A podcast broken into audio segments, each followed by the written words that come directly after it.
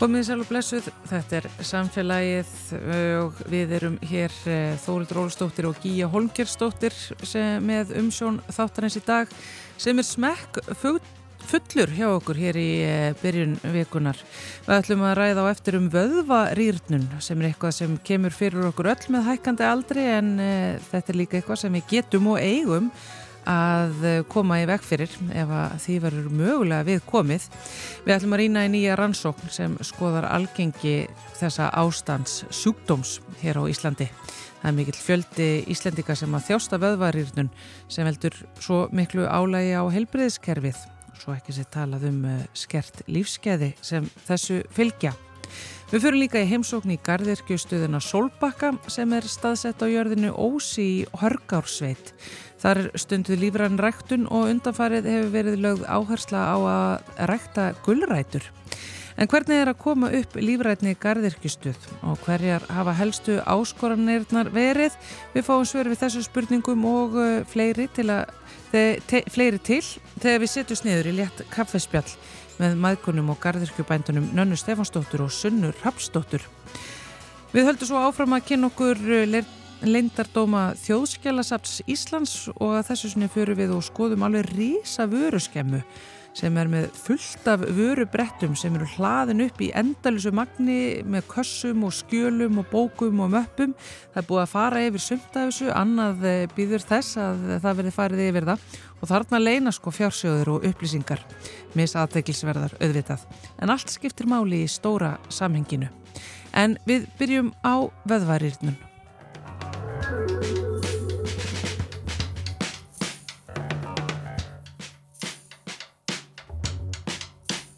Við ætlum hér í samfélaginu að fræðast um rannsókn á vöðvarýrnun hjá okkur Íslendingum, sérstaklega eldri Íslendingum. Hann er sestur hjá mér Arnar Hafstensson sem er íþróttafræðingur og meistari í heilbriðisvísindum og hefur verið að rannsaka þetta vöðvarýrnun. Sællartu Arnar?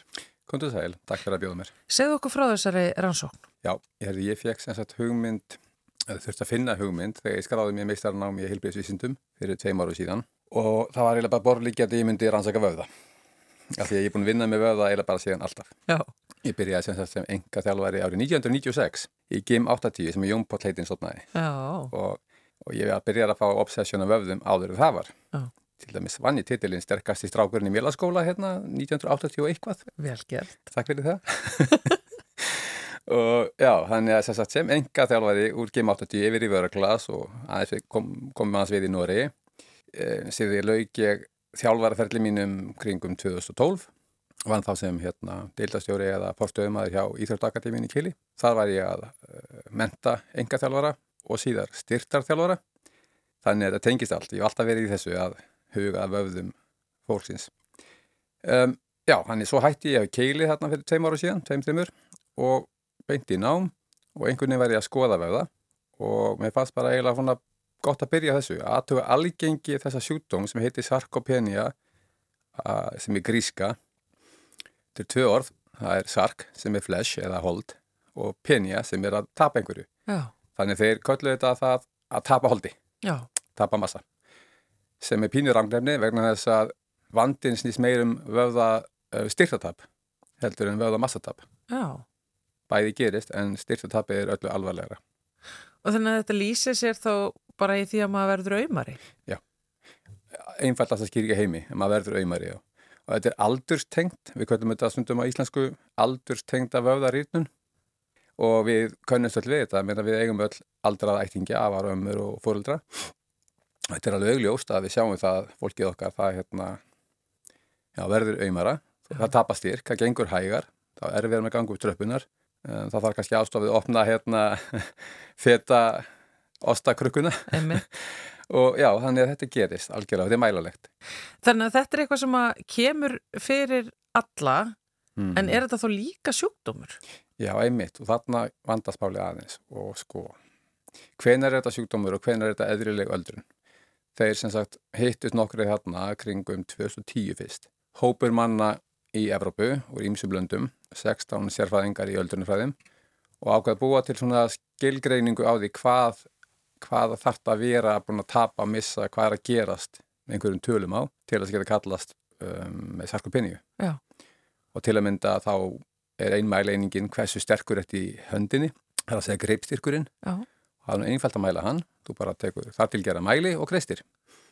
Mörgin dag er þannig ef að kallmaður kreistir með annari hendinni, sterkari hendinni, um, 27 kíló eða minna, þess að það er mælieiningin, þá ertu mjög líklega, þá ertu svona vantalega með sarkopenia. Konur eru kringum 16 alltaf ég að segja, Já. 16 kíló. Um, sem sagt, það er svona forspármerkjum að þú sett mögulega að tapa einhverju. Síðan er þetta mæla göngur hafa og þú getur gengið fjóra metra, sex metra eða, eða á tíma einhverju lengri vegalind. Þetta er allt saman sagt, svona standardæst um, já, skilgreind viðmið. Ef þú ert undir þessum hraða, einhverju ákveðnur hraða, ja. þá ertu ennþá líklegri. Vöðamassi er einbreytan og, og í minnir svo, ef ég hoppað hangað, það var samt sko allur hópurinn eiginlega meira minna meðatali með mjög lítið vöðamassa. Um, það gerði samt ekki allan, ég er ekki með 100% algengi af sarkopenia. Og hópur sem þú rannsækna er íslenskur? Já. Þannig að þú varst að sjá mjög, mjög mikla veðvarirnun í þínum hóp uh, af eldri íslendingum. Já, og ég ætla að segja það með fyrirvara. Allt verðum við hérna sem erum vísindum verðum að hafa fyrirvara mm. í annar eitthvað setningu. Fyrirværi minni sá að tækið náttúrulega sem ég mæli, það er bara eitt af nokkurum tegundu tækið til að mæla veðamassa og er ekki óbreyðvöld og það er engin óbreyðvöld aðferð til við að mæla, mæla vöðamassa. Já. Það er að nota alls konar aðferði við þekkjum til dæmis beinþjarni mæli hérna að tæki sem að til dæmis hjertavendi með. Um, það er oft kallað svona svo kallað gold standard eða þykir best en það er alveg ekki yfir gaggrinni hafið heldur. Og það mæliði bara tvívit. Þannig að tæki mitt heiti BIA eða skamstöfinni BIA, Bioimpedance Analyzer. Og það sendir raf ströymi gegnum líkamann, millir handa og fóta gegnum líkamann. Og einhverja 19 mismunandi hérna, tíðnir og hver tíðni hún staldrar misrætt við í gegnum líkamann og það fer eftir vassbúskap líkamanns meðal annars og það er misjaflega mikið að vatni vöfða versus fytu til dæmis og beinum. Ok, þannig hún fær einhverja niðurstöður, hvað sé hrætt fór, fóru alla tíðninir í gegnum líkamann og svo reiknar hún út hlautfall, vöfða og fytu. Þannig þetta er útreiknað, útreiknaði vöfðamassi, ekki mældur. Ég verði að taka það fram. Já. Kanski er ég búin að svæfa einhver núna en allavega best að hafa þetta sem fyrirvera. Já, já. Og þannig að það er eitt fyrirverin að kannski mælingin ekki 100%, eða hún er ekki 100% og síðan er það hitt að þegar ég fekk þetta háa hlutfall sem var slegið upp í frettablaðinu sem heimsmeiti í vöðarýrnun, um, ég ætla að fá að tala um það eftir, að þá sem sagt er ég vantilega með fólk sem að, sem að hérna, ástað fyrir að koma til mín í mælinguna. Já, já. Og Þannig að við erum ekki með auðmustu eldri borgara í heimi á Íslandi. Nei, nei, ég ætla bara alls ekki og það má ekki miskilja þessa setningu. Ég skil vel að bjöð bladamann að hendis upp því að auðvitað er það bladamenn að fategli. En þetta má ekki kannski heldur henda ríkja augunum fólki og það að við séum með einn hóp, þraungan hóp, 72 einstaklingar sem allir er að þykja einhverja þjónustu í hrafnustu ánþess að vera sjúklingar í hrafnustu. Þá erum við ekki að horfa á þetta sem endur speiklun eða hérna, þetta, þetta lýsir ekki samfélaginu. Ég held að allir 70, 67, allir 95 ára eða 60% af þessum hóp sé með þennan vöðasjútum. Það bara er ekki þannig, ég laði bara ekki áherslu á það. Já, en, en það þess... breytir því samt ekki að þetta er hins vegar sko, fylgjufiskur fólk sem að eldist og hefur alveglegar afleðingar fyrir okkur sem samfélag og, og, og tala um náttúrulega fólki sem að þjáast af þessu. Algjörlega og takk fyrir að draga mig tilbaka. Ég ætla ekki að gera lítið heldur úr niðurstöðunum en hérna það er rétt hjá þér og sko, þegar maður gerir svona rannsókn þá byrja maður á að lesa bara alveg gríðarlega bunga af vísindagreinum, hvað aðrir hafa verið að gera. Þar var ég að sjá sem sagt svipaða rannsóknir eða framkvæmdar með svipuðu markmiði að finna algengi þessa sjúkdóms og það var alveg förðulega mikið breytt í því. Þannig að ég myndi bara segja og loka hérna niðurstaðin minn á þessu rannsók var svo að það er eiginlega ekki hægt, það er ekki gjörningar að finna át rétt algengi. En, ok, aftur að því hversu eh, mikið það er að finna út í algengi, er, nú veitum við það allavega að fólk sem er þarna í samfélaginu er mjög líklega í áhættuhóp. Um, þá veitum við það að einhvern tíma, nú er fólk kannski tíu árum yngra á leiðinni inn í sömu deild. Þetta er fólki sem er kannski farað að huga að selja í húsnaði, farað að komast nær öldrunaheimilunum, farað að leia eða kaupa einhvern nágruninu til þess að verða kannski með forgangin í hjúkurnaheimilin. Það er að fólki finnur það er eitthvað að gera, það finnur það að verða umara, Já. sem ég held að sé ástæðan fólki sem komið til mín, komið til mín. Þeir sem að upplifa ekki styrtatab eru ennþá bara upp á fjöllum og í geminu, hafðu enga ástæði eða enga laungu til að koma til mín í vöða rýrnuna mælingu. Þannig ég held að það sé svona nokkuð ljóst að það er ástæði fyrir ég fekk þetta hálítvall. Svo skulum við bara aftur tala um hver vandin er umverulegur. Ef við verum að nota 10-30% hérna vandan sem að e, getur fundið úti í víðara samfélaginu, það færi bara heim til fólks og ég myndi fá bara bank upp á dyr hér og þar sem þjóðskrá, þá myndi ég kannski vera einhvers starna í þessu 15-20-30% hlutvalli. Ok, og hvað þýðir það? Ok, fyrir tvö, árið 2000 þá voru tekið sama gögn frá bandaríkjunum langt síðan og þá var bandarækjuminn færri og yngri og þeir gaf út grein þarna nokkuð sérfæðingar einn sem kallast Janssen og er einn frægasta greinin og mikið, mikið vísað í hana hérna en þetta einn dag því enginn hefur gert sambarlega rannsókn síðan þá hann gaf hann út 2004 og niðurstam var svo að, að hérna, sarkopenia hún kostaði bandarísk heilbyrðisefjöld eða allt budget þeirra í heilbyrðiskerfinu 1,5% af budgetinu bara sjúkdómir sarkopenia oh. það þýðir að þá er eiginlega bara pláss fyrir 67 sjúdóma í bandaríkjunum ef allir fengi jafn mikið budget á þessu, þessu hérna verðbili. Ef við yfirfæra með íslenska raunveruleika, við erum fleiri í dag hlutvarslega og þá meina ég hlutvarslega fleiri aldraðir heldur en var í bandaríkjunum árið 2000 um, en við, ef við notum 1,5% bara sem hlutvarstölu um kostnaðin við heilbíðskerfið á Íslandi þá er þetta um 5 miljardar bara þessi kassi innan heilbíðskerfisins. Bara veðverðirinn? Bara veðverðirinn, sko. Bara það að við leifum okkur að, já, við leifum okkur kannski ekki til að drafast niður, en... En það, þarna ertu samt sem ára að leiða því að þetta er eh, ástand sem hægt er að vinna gegn. Já, ég er mitt.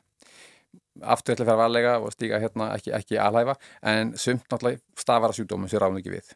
Já. Fólk fær krabba meginn og fólk fær alls konar kvilla sem bara var ekki því að kenna beint. En Hinliðin er svo að ef að við myndum öll vera svolítið örlítið kannski mannísk eins og ég hérna með vöða að hérna huga þessu allæfi þá væri tala mjög lægri almenn. Því að sko það er búið að sína fram á það mikið og síðust ára og tíu mikið búið að skrifa um vöðarýrnun. Styrtarþjálfun og rétt næring eru einu meðlun dag til þess að spórna gegn vöðarýrnun, þessari vöðarýrnun. Það er engin lif til, það er engin, engin lifjafyrirtæki búin að búa til spröytu eða pilluhandokur til þess að passa vöðan okkar. Sem að þýðir þá að þetta er í höndum í rauninu hvers og eins Já. að auka lífskeiði sín til lengri tíma litið og erum fleiri og fleiri einmitt að verða eldri. Það er að fara að verða stór hluti þjóðurinnar. Já, algjörlega og hérna ég tók saman hlutlastöllur einmitt. Ef við skoðum að sögu Íslandsinni í mannfjöldaspám, við vitum að árið 1903 fyrir um 120 áru síðan Það voru íslendikar 79.000 talsins og hlutfall aldraðara 6,7%. Í dag eru við með 80,5% hlutfall af öldruðum, 65 ára eldri. Það verður við 77.000 eða 78.000 eldra fólk á Íslandi í dag en svo bara má líka svo sem dýbeita um það hvað er eldri einstaklingur. Já, ég menn þetta er allt miklu hræsar af fólk heldur en þetta verður 120 ára, svo mikið víst. Og tölfræði er náttúrulega bara tölfræði, hún þarf að vera svolítið klipt á skorin, þannig að við erum að nota einhver staðar, einhverju tölu. Á þess að vera eitthvað að dýbeita um það hvað er rétt að tala, það bara höldum okkur sumu aldurstölur og svo hoppum við fram tíðina þegar ég verið 101 árs árið 2073, þá er mannfjöldaspá, miðspá hagstofu, þá er hún svo að við verðum um 30% 65 ára aldri. Já, það er rosalega stór hluti þjóðurinnar. Sérðu þetta, 7% og 30% hlutvöld. Já, já. Um, auðvitað breytið smartana alltaf, það er tækni og aðgengi að heilbreyð þjónustofuna en eða En það skiptir máli í raun og veru þannig að maður segja bara einfalt út að þessi 30% þjóðurinnar sem maður er og þessu aldurspili séu í ákveðs ásökomulegi. Það skiptir miklu málu, ekki bara upp á það að geta stundað fjallgungur eða, eða hérna, einhverja svona recreation, þetta er bara lífið. Þú, þú missir sjálfstæði að tapa vöðasýrk. Fólk leggst inn á sjúkraheimili og, og, og já, ég er að vinna á landakoti núna í, hjá sjúkraþjálfur að hérna deildinni K3. Það er ég íþjóttafræðingur að huga og vinna með aldraða við að byggja upp veðastyrk það er bara mitt hlutverk í vinnunni og já, þetta, þetta er fólk sem er búið að missa sjálfstæði og við erum að reyna að ná því tilbaka Já, en það er erfitt að þú kom líka á þennan aldur þú þarf til að byrja að snemma að byggja þetta upp eða ekki? Jú, er þó að þó er mjög hlirt sagt að það sé aldrei að senda að byrja því miður, það er stundum næstu því ofseint að byrja En Arðan, hvernig metur þessa kynslu sem er núna á, á besta aldri eru þau ekki í ágætisformi? Taka þau ekki með sér uh, þokkulega vöðva inn í efri árin? Vá, þetta er mjög flott spurning og væri bara frábært rannsóknarni. Ég get ekki svara henni, en ef við bara, ef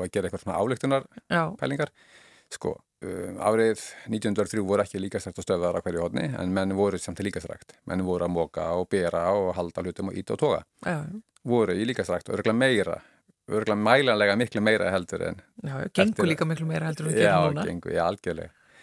Ok, síðan kemur út í minn og, og fyrst til líka þetta stöðuna í Íslandi. Ég, ég er smábategar hérna, ég mann eftir þeim og sjálfur prófaði ég fyrst 13-14 ára gammal að færa inn á svona stöð og þetta var ekki móðins, þetta var svona svolítið jaðar. Þú var svolítið skrítin eða fórst inn líka þetta stöð á þessu tíma. Ok, núna eru hlutvelli mjög hátt. En það er ekki eins hátt sko með eldra fólks í dag. Það er nýbúið að byrta niðurstöður sem ég get ekki því miður vitnað í. Ég er ekki búin að skoða það göngjafilega. En Evrópasambandi var að rannsaka þetta. Af hverju evrópsk, evrópskir hérna, eldri borgarar stunda ekki líka strakt eins og yngra fólk. Já. Og ég held að niðurstaðan sé nú aðalega svo að umhverfið er já, framandi fyrir eldra fólk. það er bara einhver kynnslóðabil þetta á milli, sko. Já, síðan náttúrulega er sko reyndar að koma núna af kynnslóð sem að veist, er ekki að hlusta á sinfoníur og er, er búið vera í rockinu og alls konar og javappa og hérna er kannski alveg að finna sér betur í svöngurfi Já. um, þannig að ég bjart síðan að, að fólk sem verður á næstu áratugum hérna sé fólk sem er búið að prófa að líka þært og kunni eitthvað aðeins til þar en svo hitt, hinliðinu svo að jafnvel hjá yngra fólki þá höfða líka þrætt ekki til allra. Við verðum bara viðkynna og ég sem er fyrirvændi engaþjálfari, þetta er svolítið sorglegt að segja þetta, en sko ég var með vinnu í mörg ár sem engaþjálfari að því að fólk þurfti á mér að halda við að bara hot hot áfram Já, já. og hérna Nei, og, nei, þetta dillar ekki öllum, það er bara Nei. þannig. En þetta er eitthvað sem við verðum samt að gera. við verðum að gera eitthvað til að reyna vöðuna Já, ég ætla ekki að reyna að predika yfir þjóðinni að allir verði það líka sértastöð nei. ég er bara raunhefur En það er bara alls konar sem að hægt er að Já, gera. Þú getur verið úti og inni og heima Já. hjá þér og farið með þetta gegnum netið og, og, og hvað Já. sem er, sko. ég, ég ætla, að því sögðu þá ætla ég að segja að auðvitað er langt best að gera þetta markvist og undir einhver leiðsög, klárlega Mm þetta er ekki því, en að því gefnu að og ég átt svona samtölu fólk það vill ekki fara inn á líka þetta stöð það er bara ágja heima að fyrst er leiðilegt að æfa mér og einn jafnaldri minn var nú að spjalla við minn daginn, gammal skólafélagi hann sagði bara, Arnar, þú dregum mig bara ekki inn á svona stöð, ég er bara ekki séns. Fyrir ekki að verði ég bara hérna sjúklingur hjá þér eftir 20 ár. Og það bara, hann fannst þetta svo leiðilegt. Og þá bara er vandin ekki sko þjálfarans, þá er vandin eitthvað félagsfræðilegt eða eitthvað, þú er að finna bara félagskapin og, og einhvers konar annars konar reyfingu Meina, notaði bara alltaf tröppur þegar þú hefur tæ- færi til. Veist, gangtu upp og niður tröppur. Láttu rúlustiga og liftur eiga sig eins og getur.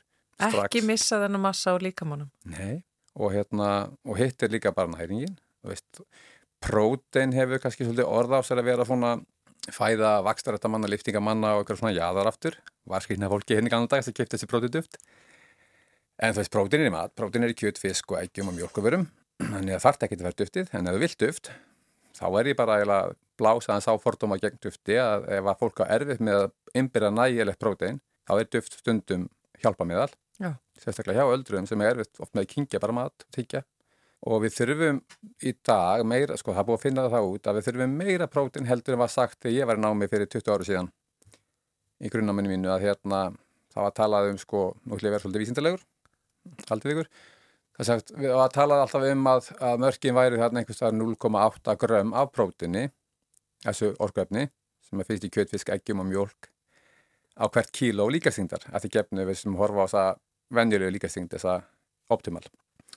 En það er búið að dobla þá eða tvöfalda þá upphæð eða þá tölu. Þannig við erum að tala kannski um 1,2-1,6 gram og hvað þýðir það? bara ef þú ert svona í sirka í kjörþyngd ferða viktina, þá markfaldar þá þyngd með 1,2-1,6 og það eru grömmin af prótinu sem ert að innbyrja dag helst í 2-3 máltíðum. Og fyrstu og síðustu máltíðinar eru vist mikið vægastu máltíðinar til þess að við held að veðmassa ok, þetta er frekar leiðil umræða. Ég heyri bara sjálf að mig tala og ég er bara mikið er leiðilegur. En ef að menn myndu bara hafa þetta sem grunninn í einhvers konar, konar heilsu læsi sínu og vita þetta þá gætur þau strax verndað og, og, og hérna, komið veg fyrir svolítið mikið við Já. og að því gefnu þá að því sagði orðið heilsulæsi. Og ég nefni það ríkjörnum minn til dæmis að hérna hugsalega getur verið að heilsulæsi fólk sé ábúta vand þessi hópur sem ég hitti til dæmis ég spurði, ég átti gott spjall við öll þeir voru klukkutum hjá mér í herbygginu bæði líkalega mælingar og hérna smá spjall og ég spurði hver einasta einstakling svona umættaræði og hérna og þá skildi ég svo litið ástæðinu fyrir því að fólk var búið að tapa vöðumassa Já, Það er mataræðið svolítið mikið þannig. Já, Já. svolítið mikið Það er greinlega ímislegt sem að hægt er að taka með sér úr þessari rannsókn eins og ég segi þó að e, fyrir sögnin sé ekki við erum auðmasta þjóð e, í heimi þá megum við ekki við því að verða auðmari. Svo mikið er víst. Arnar Hafstensson, Íþróttafræðingur og meistari heilbyrðisvísendum, e, takk hérlega fyrir að koma enga til okkar í samfélagi og skilja okkur eftir með þetta. Prótein og lifta þungu. Ég held að það sé bara, það sé skipun dagsins. Takk hérlega. Við í samfélaginu erum núna komin hingað að Ósi í Hörgársveit. Hér er ekki gardirkjustöð, gardirkjustöðin Solbakki og hér eru til dæmis ræktaðar eh, lífrænar gullrætur og meira. Hér er lögð áhersla á lífræna ræktun. En þegar að fólki hér tók við þessu búi þá var nú margt að gera og við ætlum að bara forvittast um þessa starfsemi. Og við komum núna í morgun keirandi hérna frá Akureyri. Og það er snjór og leiðindi en við skulum kíkin í bæ og heyra af þessari starfsemi. En að henni standa þau Nanna Stefánsdóttir og dóttir hennar Sunna Rapsdóttir og hennar maður Andri Sigur Jónsson Við skulum kíkja út í snjóin eins og bestu sveitabæ þá tekur að móti manni hundur Góðan daginn. Góðan daginn. Ég ákvað bara að koma inn. Það er svo leðilegt veðri. Og nú er ég komin inn í líuna. Eh, búin að fá kaffibotla og voðalega hugulegt og horfum svona út í snjóin. En Sunna, segð þú mér aðeins frá bara þessari eh, gardirkju stöð. Hvenar komuð þið hinga til dæmis? Svona frá byrjuninu af þessu. Já, við keftum jörðina 2016. Eh, þetta hafa búið að vera við erum búin að vera mjög lengi að leita okkur að jörð og þetta er eiginlega hérna ég er alveg upp með garðirkjumanni alltaf í einhverjum plöntum mm. og maður ætlaði, ég ætlaði allavega alls ekki að vera garðirkjuna fór alveg í háskólinám og alls konar sem ég ætlaði bara ég ætlaði ekki þessa leið yeah. en hérna ég svo bara smitaðist þetta svona smátt og smátt og sko mamma var fyrstu vottun á bókina lífrænu þannig að þetta hefur maður hefur svolítið alveg stuppið að, að hérna ég þetta sé pínu draumurinn hennar. Og svo fór ég í Garrikiskólan á lífrænu brautina þar og þá var eiginlega bara ekki aftursnúið þá var alveg rosalega gaman í skólanum mm. og hérna ég og það einhvern veginn kviknaði á öllu þar. Og hérna ég svo þarna 2016 þá kemur þessi jörð á sölu og hérna ég andri maðurum minn er frá Dalvik þannig að hérna ég á pínu gaman að geta verið hér á milli að hérna ég, en mamma er innan og sveit en þetta var bara rosalega skemmtilega lending að kaupa þessa jörð. Já. og þetta er líka bara í rauninni fín jörð til að rekta á. Hann vantar skjól, við erum bara hérna eili hálfgerður og grassi en hérna ég en þú veist við erum búin að setja rosalega mikið skjólbeltum en það tekur náttúrulega bara tíma Hvað eru þið með eh, sagt, mikið af landi sem að fer í rektunarskikana sjálfa?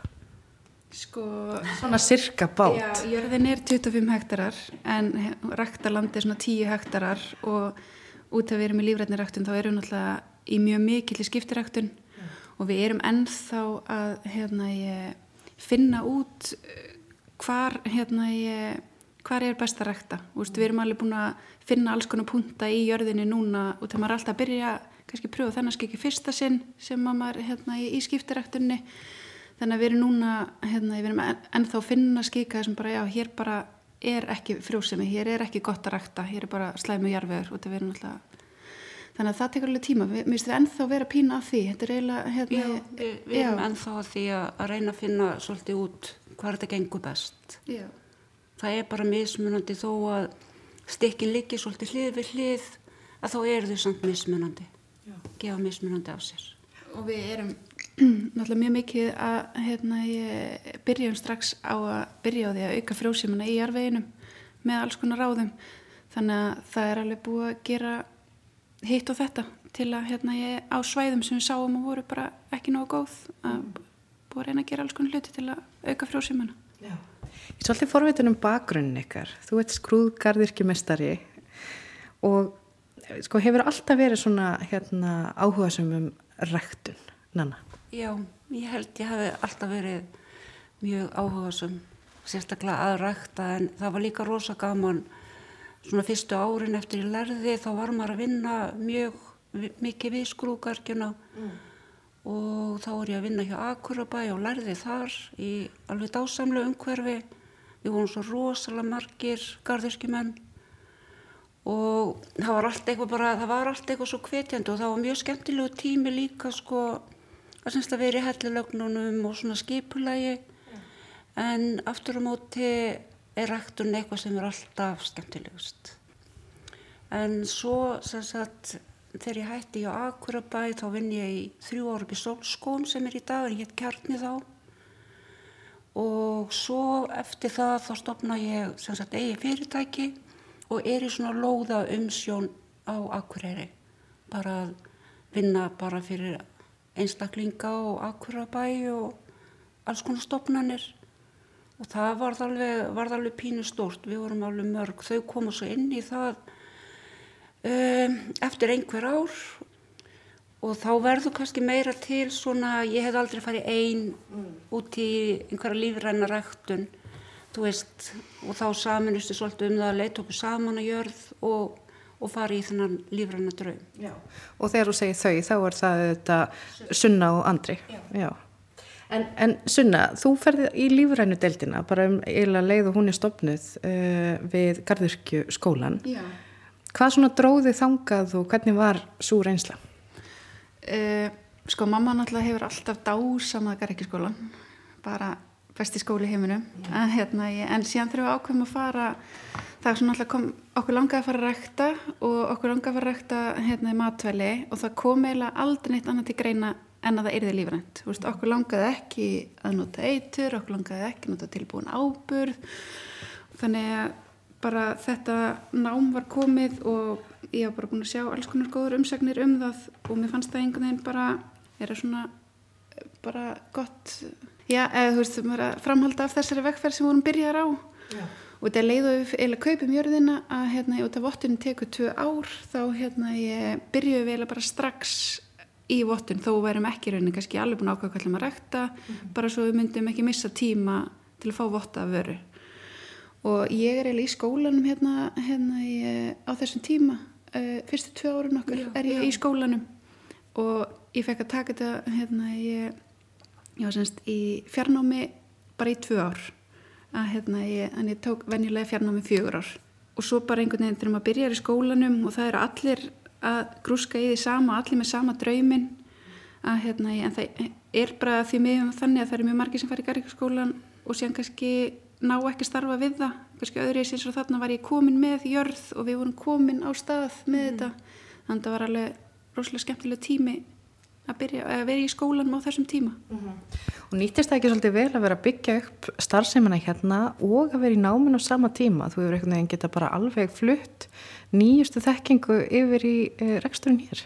Jú, algjörlega. Að sko mamma er náttúrulega bara hafsjóra þekkingu og en hérna ég samt kannski náttúrulega hefur ekki verið að vinna við þessa lífrænu deild en þar kem ég inn Úst, í skólanum úst, fer maður náttúrulega bara í alls konar kursa veist, alveg frá rekstri og uppbyggingu garrikjustöðva og yfir í allt þetta nýjasta veist, alla tæknina og allt sem er komið til að geta rækta lífrænt. Þannig að þetta eiginlega hérna, ég passaði fullkomlega saman öll hennar einslega, ég, sko, ég held að ég, ég hef aldrei gert þetta einn ég hef aldrei haft þekkingu ég hef byrjað að rækta einn og hún hef ekki heldur farið einn út í þetta bara varðandi það það sem þarf að, veist, að alltaf nýjasta nýtt sem er í kringum lífrannaræktun mm -hmm. Sko þið leggið áherslu á lífrannaræktun og þið eru með vottun frá túni. Um, hvernig finnst ykkur sko hefur eitthvað, eða er eitthvað að breytast núna á þetta því að það eru þetta mikil umræðum, lofslagsbreytikar mikil umræðum, alls konar svona við þurfum að gera betur finnið þið fyrir auknum áhuga á lífrætniræktun og svona því sem þið eruð að gera Já, klárlega. Þetta er, sko, það er endalus eftirspurn eftir lífrannum vörum. Það getur verið endalust margir. Það er engin samkefni. Þetta er bara, það getur endalust margir farið að byrja að rækta. Mm. Að, hérna, þannig að það, en það er bara, það er bara erfitt að rækta á Íslandi og að rækta lífrand er bara töluvert erfiðara heldur en að rækta með hefðbundnum aðferðum. Þannig að Eftirspurnin er klárlega til staðar, fólki finnst mjög merkilegt það sem við erum að gera. Ég hef aldrei trúið í að ég þurfti alltaf að vera að svara einhvað, um einhver viðtöl og eitthvað fyrir alltaf að vera bara að flytja út í sveit og vera gar, gar ekki kona. Það var bara rólegt, svo eru fjölumílar alltaf að koma til ykkar. Já, það, það er pínir svo leiðis. Mm. En síðan langar manni líka að hérna ég, mann langar samt líka náttúrulega að koma þessu á framfæri uh, bara þessari stjætt þetta er náttúrulega, hún er, þetta er allt og lítið á Íslandi Þú ert að tala um það sem er í lífrænurektunni sérstaklega. Já, algjörlega. Og bara lífrænum, hvort sem það er líka bara landbúnaður eða rektun eða þetta er bara rosalega fámenn stjætt á Íslandi. Já, akkurat. Eh, Sko, og þið byrjið með eh, þið svona einbetið ykkur aðalega að gullrótum er, er, er það ekki svona rétt?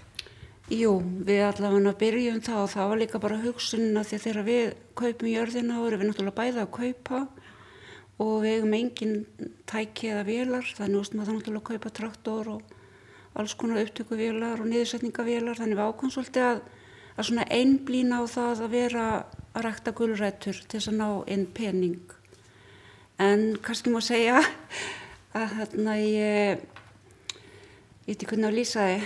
Við erum svolítið að bakka út af þessu. Við erum svolítið að bakka út af þessu. Að, hérna, þetta er rosalega erfitt og hérna er ekki, það er svo opbúslega vinn á bakvið þetta að það er bara að þetta gengur ekki þannig að í staðan fyrir við ætlum bara að vera einbit okkur einu eru við núna svolítið að fara að dreif þessu. Mm.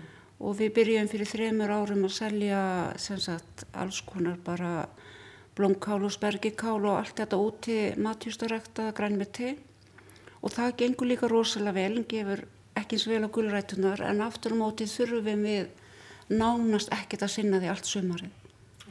Þannig að mun minni vinna við hérna ég heit græmiti heldur en gulrætunar. Gulrætunar eru, það er bara til að fá einhverju uppskeru þá þarf bara að reyta stanslust ílgrisi. Allt sumarið.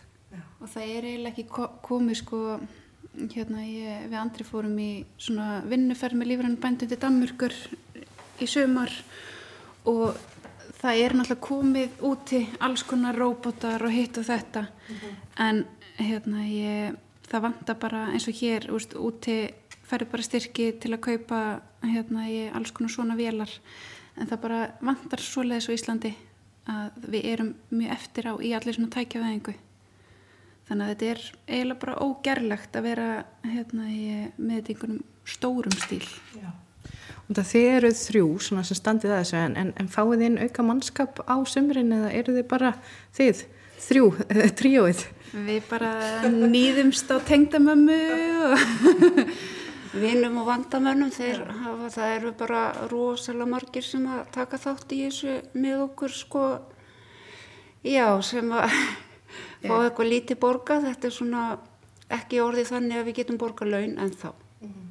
en hérna ég vonandi kemur það og, og þessi eins og núna meining með að vorum að byggja bara og erum búin að vera núna með hvað hálfu mánuð sem við reistum þetta litla hús sem áttu kannski verið að hugsa svona sem sáningarhús og það eru í því alls konar stýringar og svo leiðis og við erum svolítið svona að reyna að dreifa þá sem sagt bæði innkominu að fá þetta ekki allt inn bara á þremu mánum yfir árið mm -hmm. heldur að geta kannski byrja að fá eitthvað inn núni í vor og svo erum við náttúrulega búin að sjá það við erum búin að fá alls konar sömur sem að bæði kallt og, og rosa heitt að það er pínu hættulegt til að veðráttan er svona að, að vera með bara einhverja eina tegund. Já. Það er alveg ástæða fyrir því að hérna ég langmest að allir þessi garðekjuræktun er á Suðurlandi. Mm -hmm. að hérna ég, við erum bara, við getum sáð miklu setna og og séðan er bara, fáum við nætufrost í júni og í fyrra fjallu öll kartaflugröðsinn okkar.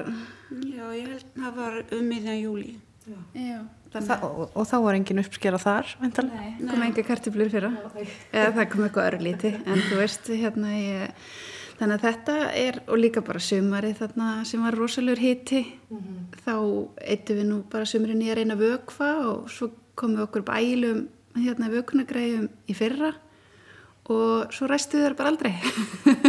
Þannig að þetta er svolítið svolítið, svolítið erfitt að hafa, hafa all ekkin í sömukarfunni mm -hmm. svona í úti rættunni. Um, hvernig, sko, þið töluðum það áðan að þið farið hérna út í þessa starfsemi. Uh, þið viljið vera lífræn, þið fáið vottanir og, og þið fáið líka mikið meðbyr. Fólk hérna er mjög áhuga samt þið fenguð kvartningavalun frá um, búnaðarsambandi. eigafjörðar á það var uh, 2020 svo eru fjölmiðlar sífælt að ringi ykkur. Þið bara eigi- hafið ekki undan og hérna en, en, en svo myndist þið á að, að stjórnvöld eru kannski ekki alveg að, að bakka ykkur upp með ykkurum aðgerðum eða hvað hvað svona finnst ykkur vanda? Nei, það vantar alveg Það vantar líka bara, það vantar svo mikið að koma fólki meira á stað. Þú veist, eins og við erlendis að þá er til dæmis alla vélar sem þú kaupir, þá er borgað 30% á móti bóndanum. Það vantar svo mikið svona, aftur það það er náttúrulega að kaupa sér alls konar tæki í þetta. Að maður geti pínu, sem sagt, verið svolítið tækjavætur til þess að drepa sig ekki á þessu. Til þess að komast betur á stað og það er, það, þetta er allt svo jákvæmt nema eiginlega þetta, veist, hvernig óskupunum ámar að byrja. Þú veist, og það er bara rosalega erfitt að lifa á þessu sómasamlega. Já, að hérna ég, þetta er eiginlega bara of erfið ræktun við þessar aðstæður. En ég til algjörlega það er algjörlega hægt að finna lausnir að hérna ég en já, ég held bara hérna ég, og það er rosalega góð vinna í gangi eins og hjá vor sem er semst félagið okkar vendunaræktun og hérna Eigló sem er í Vallanessi er þar í forsvari og hún er alveg búin að standa sér ótrúlega vel í að koma bara baráttunni okkar áfram að hérna ég en þetta er bara, þegar maður horfir á nágrannlöndin það er svo, það er svo mikil stefna í sambandi við allt svona.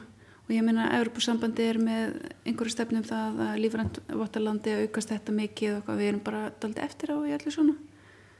En eftirspurnin er bara svo mikil að það lítur að fara dætt inn. Já, maður vona það allan já. þannig að ég held að drauminu sé bara að maður getur bara að lifa sómasamlega á þessu að geta rækta að geta rækta lífrænt hérna alveg á norður hjara veraldar og haldið áfram að já, stækka við ykkur og, og selja meira og gera meira. já, ég held líka bara, það, þó að sé eitthvað svona sé háumanni, þá held ég bara hægt að finna lausnir á þessu öllu saman. Þú veist, þetta er bara, og við erum þegar, sko, eftir þessa reynslu núna, erum við búin að finna út svo margt sem við hefðum átt að gera svo miklu, eða svona gera öðruvísi til að byrja með og það væri líka bara mjög gaman að geta deilt í út hvernig maður myndi vilja hjálpa eða maður myndi vilja alveg hjálpa öðrum að byrja. Það er rosa gott að vera nokkri lífrænir saman. Þá geta menn, veist, getur við fengið skýt frá lífræni bónda og sem myndi þá nýtast okkur og ef, ef veist það er, svo, það er svo gott að vera nokkur saman í hóp. Já. maður myndi gertna vilja sjá fleiri lífræna bara alls konar kóabú og En mér finnst líka bara mér svo skemmtilegt í þessum lífræna geira að það er rosalega lítil endunín, það er alveg margir sem að eru að eldast og maður sér eiginlega ekki fram á að kannski einhver taki við. Það er aldrei sorglegt en allt, allt þetta fólk uh, það hefur bara, það taka allir bara upp í síman og heyrði þetta, þessi óværa kom hjá mér, hvað er þú að gera? Og mér svo þetta er svo skemmtilegt samfélag að hérna ég og líka bara það er rosalega mikið haft samband við mig í gegnum Facebook alls konar, vera að spura múti hitt og þetta einhver sem eru að pæla í vottun eða einhverju. Og mér finnst það bara svo sjálfsagt. Mér finnst það bara endilega ef maður getur hjálpað einhverju. Já. Við skulum segja þetta gott hérna við uh, eldursporðið á Ósi í Hörgarsveit og gróðrastöðin ykkar eða gardirkjustöðin, hún heitir Sólbakki. Er oft sól hérna? Já, já, jú, mjög oft og við erum með alveg rosa langa sólagang Já. alveg engin fjöll kannski aðeins meiri vind í staði Það er bara að rækta meira skjólbeltum. Já. algjörlega. Takk fyrir spjalliðin Anna Stefansdóttir og Sunna Rapsdóttir og ég byrði líka fyrir bestu kveðjum til hans Andra sem heitir fullunamni Andri Sigurjónsson sem að mókaði svo fínt plani hérna fyrir mig þegar ég kom. Já. Takk sem við leiðis já, takk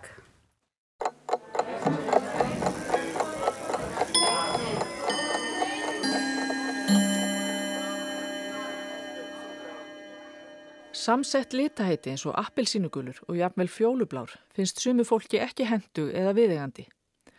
Engum þykir slæmt að kenna liti við einhver tiltekinn fyrirbæri. Þessi litir eru ekki grunnlitir, heldur samsettir og hafa komið til lögur um að nefna þá í samræmi við það. Oftast er þá sagt að liturinn sem kallast appelsínugulur ætti heldur að heita rauðgulur en, en spyrja má hvort hann ætti ekki eins að kallast gulrauður. Og fjólublár hefur stundum verið kallaður blárauður og jafnvel fjólurauður en aldrei rauðblár. En aldrei hefur verið sett fram neinn tillaga svo vita sé um að í staðin fyrir grænan skuli kalla þann lit gulbláan eða blágulan. Það eru því engin rauk fyrir því að appilsínugulur og fjólublár eigi frekar að kallast rauðgulur og blárauður.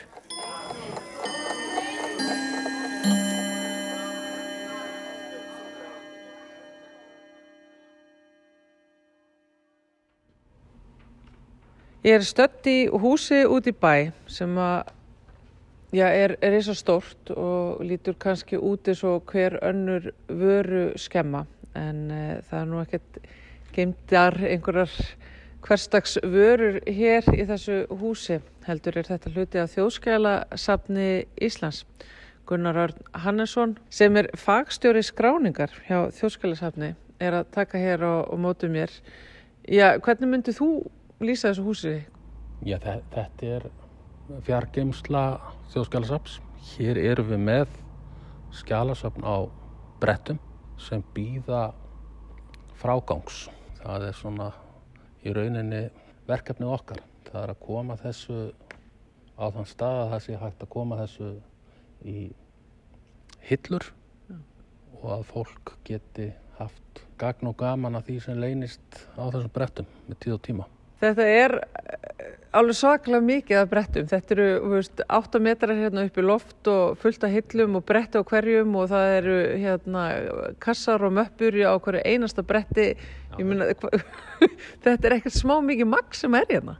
Nei, þetta eru sko, ný, nýjustu tölur í morgun segja þetta séu 1277 bretti og þetta eru svona dæmigerð vörubretti eins og fólk þekkir og okkur hefur reiknast til svona í gegnum ára að á hverju bretti séu um það byrjum tíu metrar, hillumetrar af skjölum. Það er að segja að þeirra er búið að ganga frá því. Þannig að við erum með eitthvað á milli 12 og 13 kílometra bara í þessari byggingu. Það er um það byrjum vegalengdin frá tjötnin í Reykjavík upp að Havravatni. Þú möttir raða því í beina loftlínu. Það er mjög mikið upplýsingum. Það er mjög mikið upplýsingum og, hérna, og það er mjög mikilvægt að fólk uh, hafi aðganga að þessum upplýsingum og við erum að hamast við að skrá þetta, koma þessu í uh, viðunandi umbúðir og vonandi með tíð og tíma í almennilegar hillur í almennilegu húsnæði sem að ég veit ekki betur standi til að reysa. Sérstaklega fyrir okkur loksins eftir 140 ár. Já, já, þið eru allavega orðin góðið að býða, en þetta er allavega hér á meðan, Hva, er þetta bara allstaðar að? Bara, hvað er á þessu brettum eiginlega?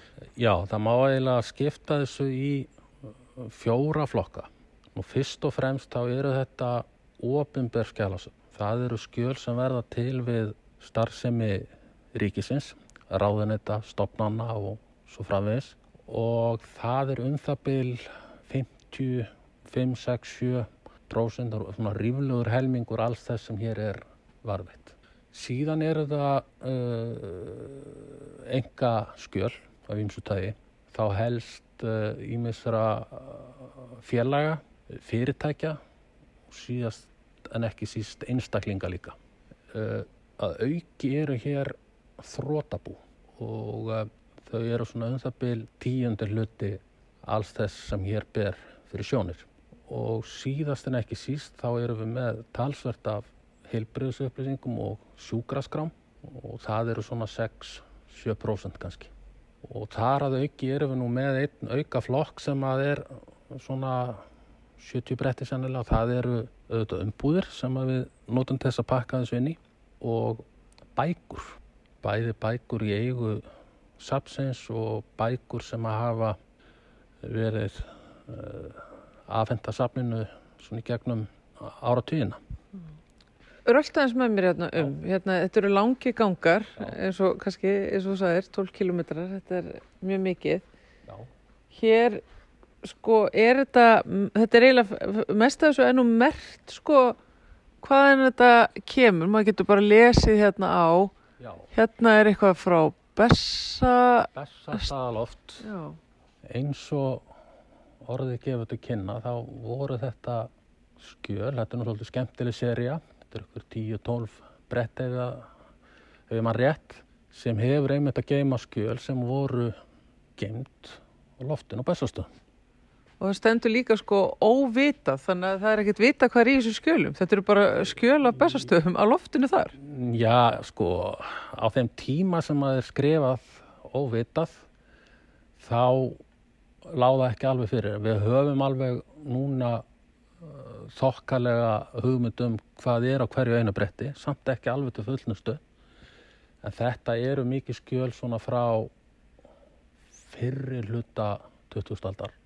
Ég held til dæmis á þessu bretti þá sé frímerkjasala post og síma gamalt efni og, og þetta eru uh, blanda af engaskjölum og ofinbörum. Þetta eru verslunabækur og, og bara ímislegt. En uh, við komumst í þetta safn vonandi mjög fljótlega. Þetta er mjög spennandi hérna viðfóngsefni. Já, þú segir það. Það er náttúrulega margir sem bara geta valla farið í gegnum pappirina á sinni eigin heimaskrifstöðu í drastlskúfunni heima hjá sér sem eru öllum heimlum en, en, en þetta, þetta dillar ykkur. Já, þetta er alveg ofbúslega skemmtilegt og, uh, og það er eiginlega engir tveir dagar eins í þessu. Við erum alltaf að rekast á eitthvað furðulegt eða undarlegt og uh, við finnum líka svona tínda lekki sem að tengja eitthvað annað samhengi saman sem að var kannski ekki ljóst áður og uh, það er nú líka hérna á brettum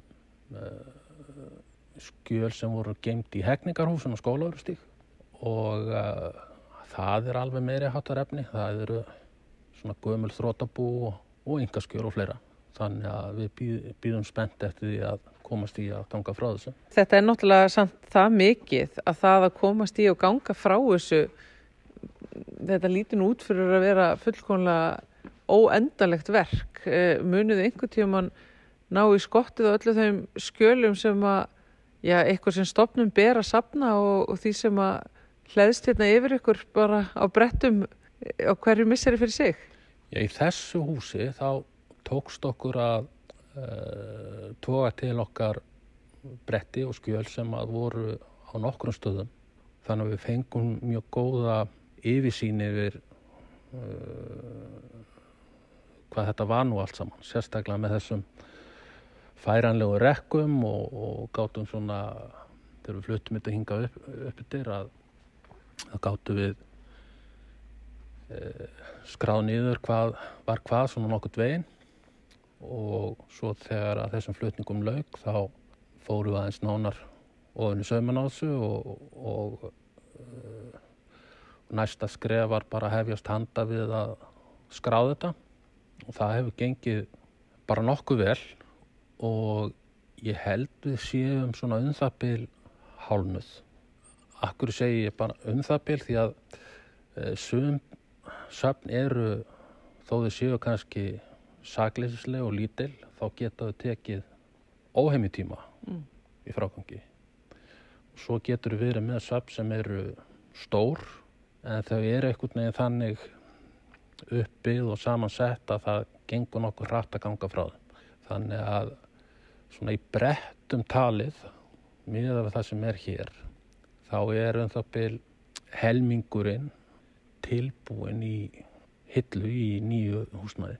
Og ráðarann okkar hefur nú menningar málaráðara hefur nú verið ansi uh, áhuga samur og duglegur við að styðja við bakið á þessum þörfum og óskum okkar um að komast í viðirandi húsnæði og með þess að fjármálaráðaneti líka þannig að ég er bara mjög bjart sýtna á framtíðina Hér er úst, einhver kassi sem á greinilega eftir að fara í gegnum og úst, eitthvað ost á smjörsalan og eitthvað. Já. Sko, hendir Hendið þið einhvern tíman, hljótið að henda einhverju af þessu bretti hérna? Þú veist, þið geymið ekki allt. Hvað ef eitthvað að þessu er bara einhver krassblöð? Já, sko, þetta er engaskjálasafn sem hefur verið pakkað niður í kassa hérðan og þaðan, IKEA kassa, ost og smjörsöluna og bara hvað eina sem að þessi einstaklingur hefur komist yfir. Og, uh, og það er alveg rétt að umbúðarna sem þetta er í núna áður en þetta er skráð að þær fara allar í uh, endurvinnslu og uh, pappaumbúðarnar allt plast það fyrir líka í endurvinnslu. Við erum með sérstaka uh, gáma og kér undir það og svo gengur alveg gríðalega mikið magn af málmum undan í þessu og þar erum við að tala um innan úr plastmöppum uh, brefaklemmur og svo framvegist. Þetta er, þetta er þegar að sapnast saman þá er þetta alveg gríðalegt magn. Þetta er alltaf endurunnið. Engur skjali hend? Nei, uh, það er engum skjölum hend hér. Það er, uh, þetta megu við það ekkert. Hins vega þá eru skjöl sum hver sem lögum samkvæmt má grísja og það eru þá fylgiskjöl bókalds og en það er ekki þannig ef við rekumst á fylgiskjöl bókalds að við förum bara með út í tunnu, við þurfum að sækja sérstaklega um það og gera grein fyrir því og, og hérna svo er það annarkur samþett eða sinjað mm.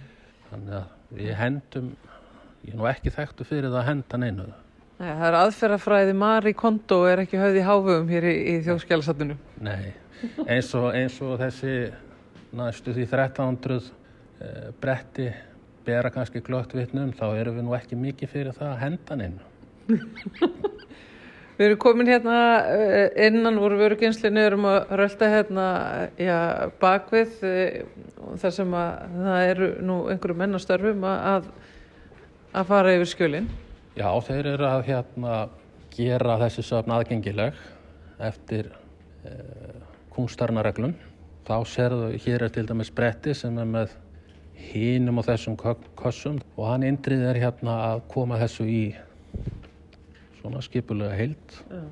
og ræðis eftir flokkum og tímabilum og, og semja skrá yfir innihaldið sem síðan er sett á netið hjá okkur og þá getur fólk pantaf efni úr þessum öskjum eða þessar öskjur úr þessum söfnum og uh, á lestarsalinn hjá okkur og kynnt sér þetta nánar. Því að vandin er sá að óskráðsafn það er bara lokað og uh, það er náttúrulega ekki gott að vera með mikið af söpnum sem eru bara lokuð af því að það er ekki búið að ganga frá þeim. Indri, kemur einhvern tíðan eitthvað spennandi upp úr þessum kossum sem þú ert að opna? Þetta er nú bara vinnugögn hérna sko, þannig að þetta er allt, þetta er svolítið mikið efni. Eh, það er eflust hægt að gera eitthvað, skrifa einhverja masters eða dóttursittgerðir úr þessu. Þetta er, þetta er gögn frá BSRB sem ég fara að gera núna, okkur brettaði. Þetta er ekki eins og í bíumyndunum sko? stökusinum en ekki, ekki oft sko. það er ekki, ekki allir dagar ekki, alltaf ekki dag sko. Það mætti alveg hérna, skora á kvikmyndagerða menn íslenska að gera fleiri kvikmyndir um skjálaverði og æfintýri þeirra við viljum svona koma því á framfæri sko. við erum í símáskráni Það, það er bara selt, það er selt. Við látum allavega þetta út á seinslega næja í bíli og komum svo aftur hérna í næstu viku og þá ætlum við að fá að kíkja á nokkra sérvalda gullmóla sem þið eruð að vinni að gera aðgengilega Já. sem að hafa, veist, að því ég verða við ekki svona það að koma hérna inn í vöruskemmuna fremst sko og horfa bara á þessi bretti og bara eitthvað svona, bara svona fallast hendur. En, en eins, og, eins og þú talar um, það er eitt og annað í þessu og við ætlum að fá að kíkja á það í næstu viku, ekki satt? Jú, alveg sjálfsagt, þið er uh, mjög, mjög velkomin og þetta er auðvitað mjög ókvæmlegt svona við fyrstu kynni að sjá þessar stæður. En við nálgumst þetta bara eins og að borða fíl.